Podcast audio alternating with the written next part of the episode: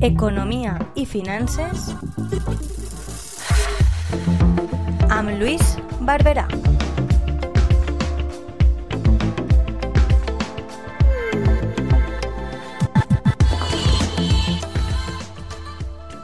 Hola de nuevo amigos y amigas de la Tegua Radio, soy Luis Barberá y un mes más nos encontramos en esta sección de Economía y Finanzas para versar hoy sobre un impuesto especial, el famoso IVA.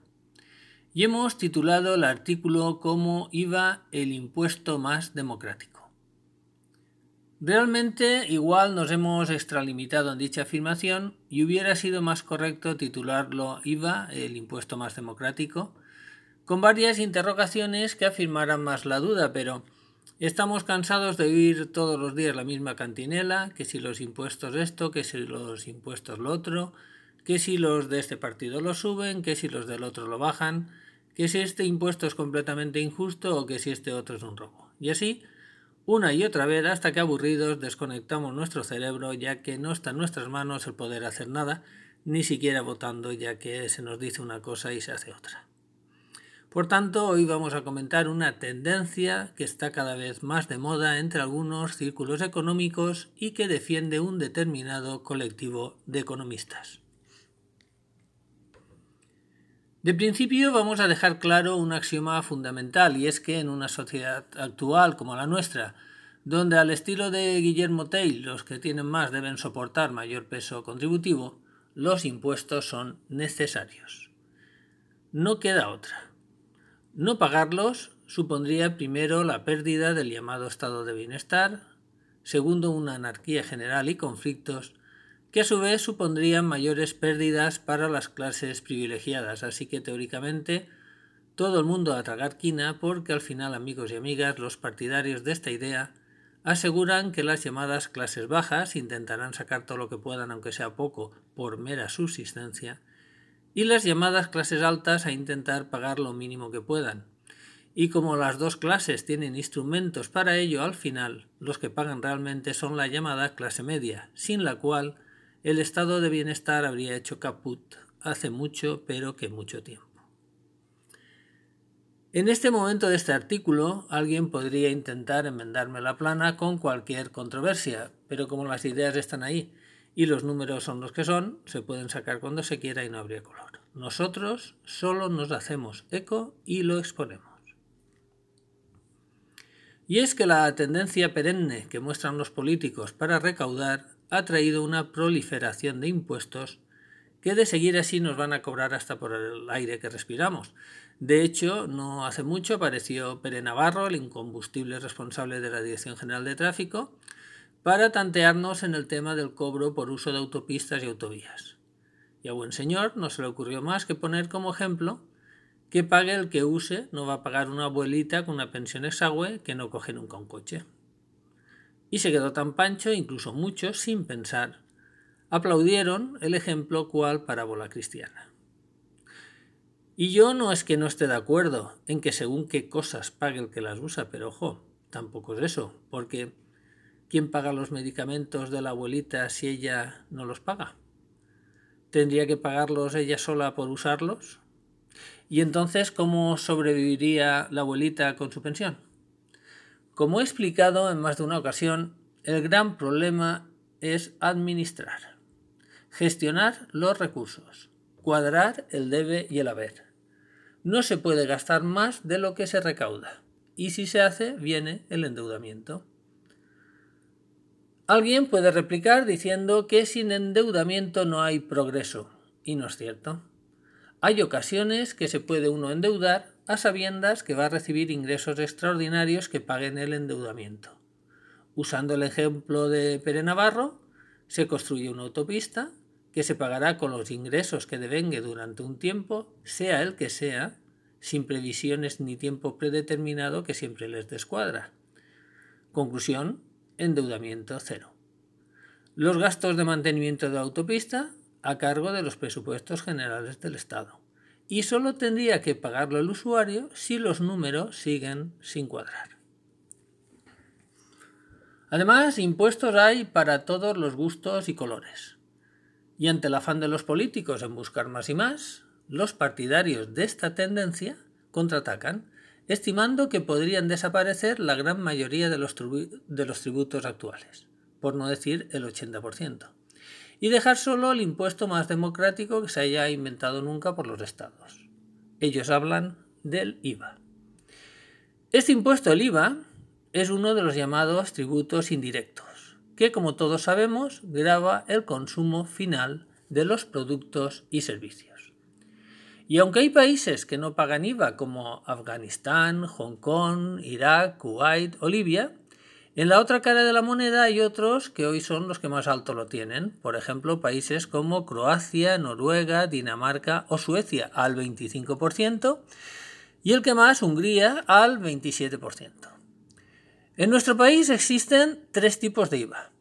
El general, que aplica el 21% a productos como electrodomésticos, tabaco bebidas alcohólicas. El reducido, aplica el 10% afectando una lista muy larga donde los alimentos en general, el transporte, la hostelería, incluso la vivienda entran.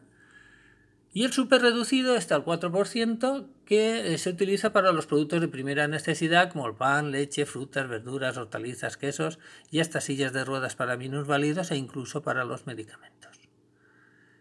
Este IVA, de aplicarse correctamente, pues hoy en día a nuestro entender está muy mal aplicado, ya que encontramos en el IVA general productos o servicios que deberían estar en el reducido en el reducido otros que deberían estar en el super reducido y al revés también.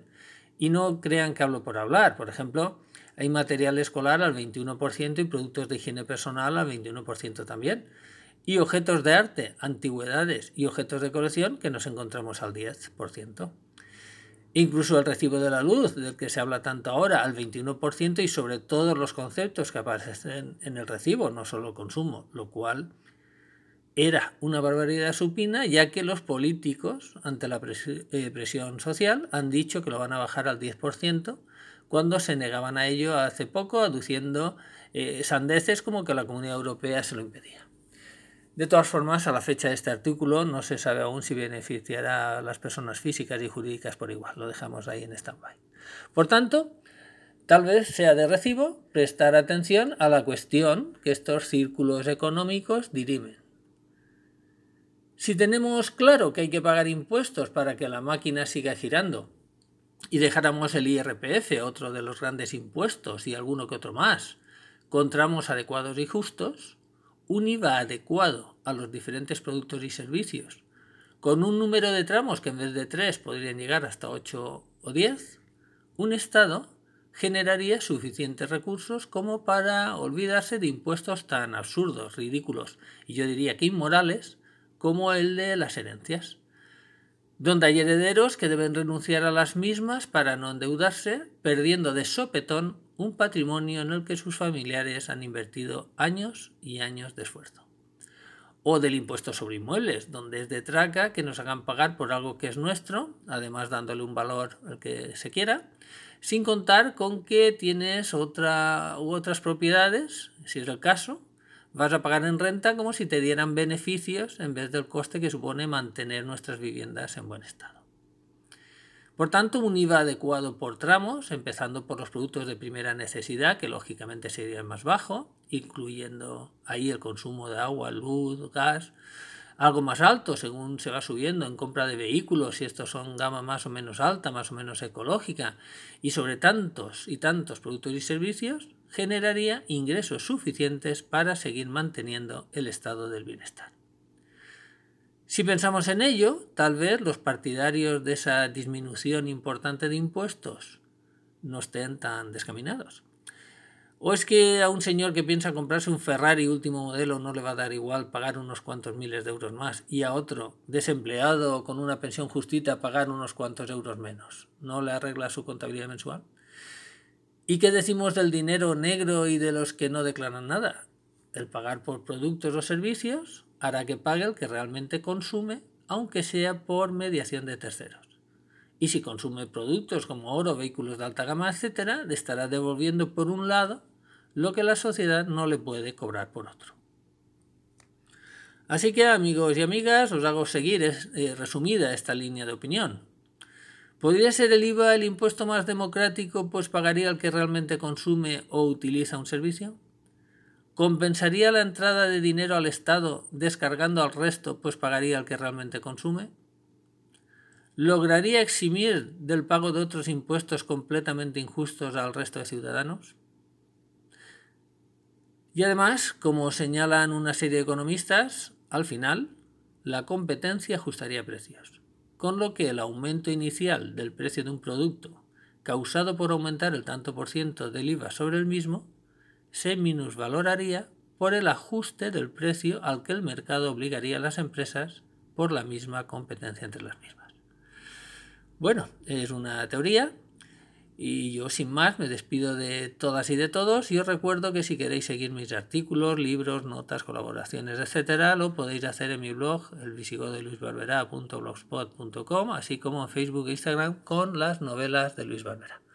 Un saludo para todas y todos los oyentes. Un abrazo.